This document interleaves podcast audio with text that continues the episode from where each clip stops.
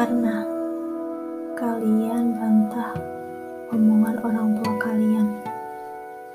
Kalau kalian nanya aku, aku pernah. Kalian pernah? Buat kalian yang pernah, aku ada cerita buat kalian. Kisah ini tentang betapa dahsyatnya doa seorang ibu. Ada hal-hal yang Allah itu kabulkan doanya. Yang pertama, doa orang yang dizolimi. Yang kedua, doa orang yang sedang melakukan perjalanan. Dan yang ketiga, yaitu doa seorang ibu kepada anaknya.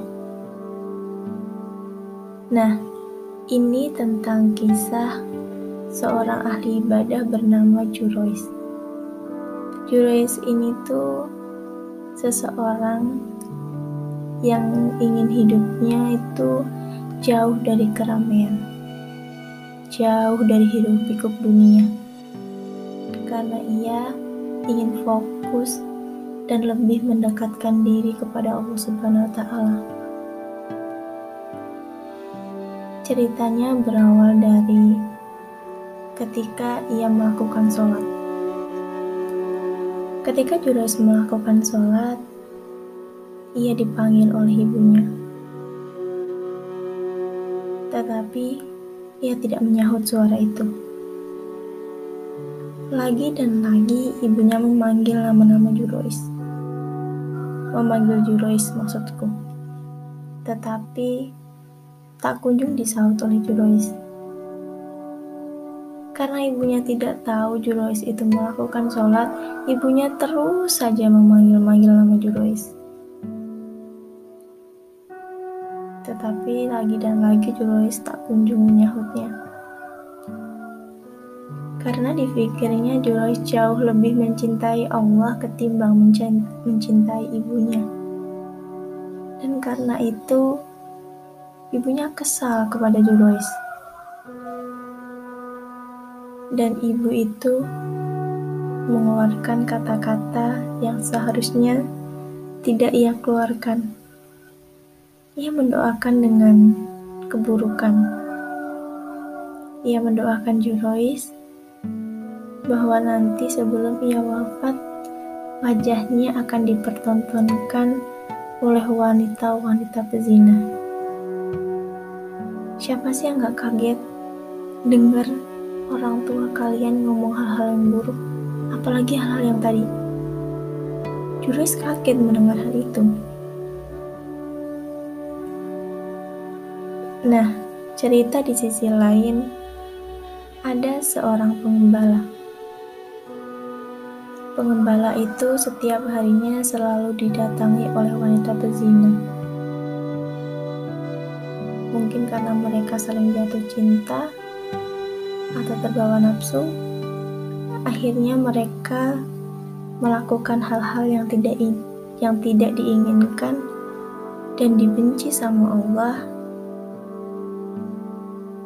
dan mereka mempunyai anak. Karena mereka mempunyai anak, berita itu pun menyebar luas Sampailah berita itu ke telinga sang raja. Sang raja marah. Akhirnya sang raja memanggil wanita yang memiliki anak tersebut. Sang raja bertanya kepada wanita itu, "Siapakah ayah dari bayi?" Ayah dari bayi itu Wanita itu dengan lantang dan dusta menjawab, "Anak dari bayiku adalah Jurois." Kaget saja, karena seorang Jurois, seorang ahli ibadah melakukan hal serendah itu kepada wanita. Tapi karena terlalu percaya dengan kata-kata wanita itu,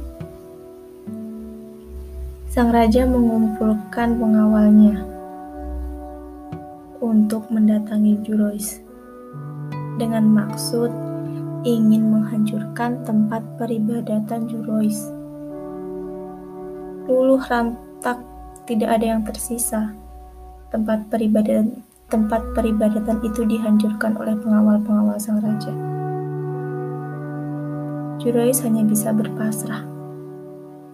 Tidak hanya itu, ia juga diikat lehernya dan diarak untuk mendatangi raja. Dan ketika ia sedang diarak, banyak warga yang menonton. Banyak juga dari orang yang menonton itu adalah wanita-wanita pezina. Jurois tersenyum melihat keadaannya yang seperti itu, karena ia teringat dengan doa yang sang ibu ucapkan. Lalu sampailah sang Jurois ini bertemu dengan raja. Akhirnya Jurois diberikan kesempatan untuk membela diri. Jurois hanya meminta untuk bertemu dengan si wanita dan bayi tersebut. Untuk apa Jurois melakukannya? meminta sang raja untuk menemui wanita itu. Jurois ingin bertanya kepada sang bayi, siapakah ayahnya? Terkejut semuanya, bagaimana bisa sang bayi itu berbicara? Tidak mungkin kan sang bayi bisa berbicara selain Nabi Isa? Tapi memang, selain Nabi Isa, sang bayi dari zaman Zurois ini bisa berbicara. Zurois berbicara, Hai bayi kecil, siapakah ayahmu? Dengan tersenyum dan kehendak Allah, bayi itu berbicara, Ayahku adalah seorang pengembala. Kaget semuanya. Sang raja pun juga karena salah menuduh orang. Dan akhirnya sang raja meminta maaf kepada Jurois. Dan karena kesalahannya itu, ia menghadiahi Jurois untuk membangunkan tempat peribadatannya kembali dengan emas, dengan perak. Tetapi Jurois menolak. Jurois hanya meminta untuk mengembalikan tempat peribadatannya itu seperti semula. Wow, betapa zuhudnya seorang Jurois. Kalau kita yang difitnah seperti itu gimana? Kita hanya manusia biasa, pasti ngerasa akan marah.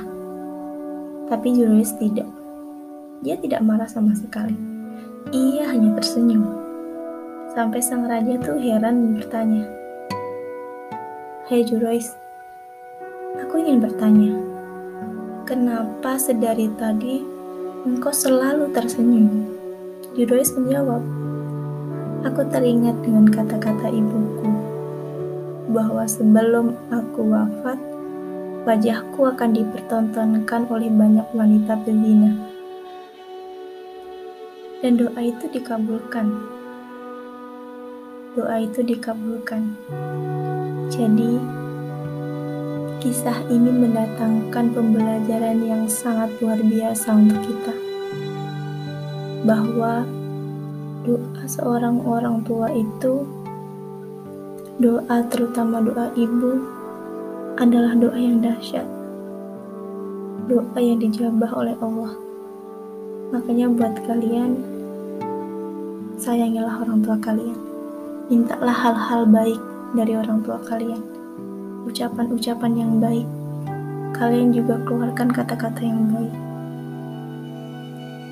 Karena suatu saat nanti, insya Allah, doa-doa orang tua kalian itu akan memberi berkah dan memberi kesuksesan untuk kalian. Tapi kalau kalian tidak menghormati orang tua, bahkan berkata buruk, kalau orang tua kalian kesal dan mengucapkan kata-kata buruk, ya jangan salahkan Allah. jika hidup kalian nanti tidak berkah, atau kalian nanti tidak bisa mencapai keinginan yang kalian inginkan. Jadi, sayangilah orang tua kalian dan hormatilah orang tua kalian. Itu kisah pada malam hari ini yang bisa aku sampaikan. Semoga bisa jadi pembelajaran buat kalian. See you.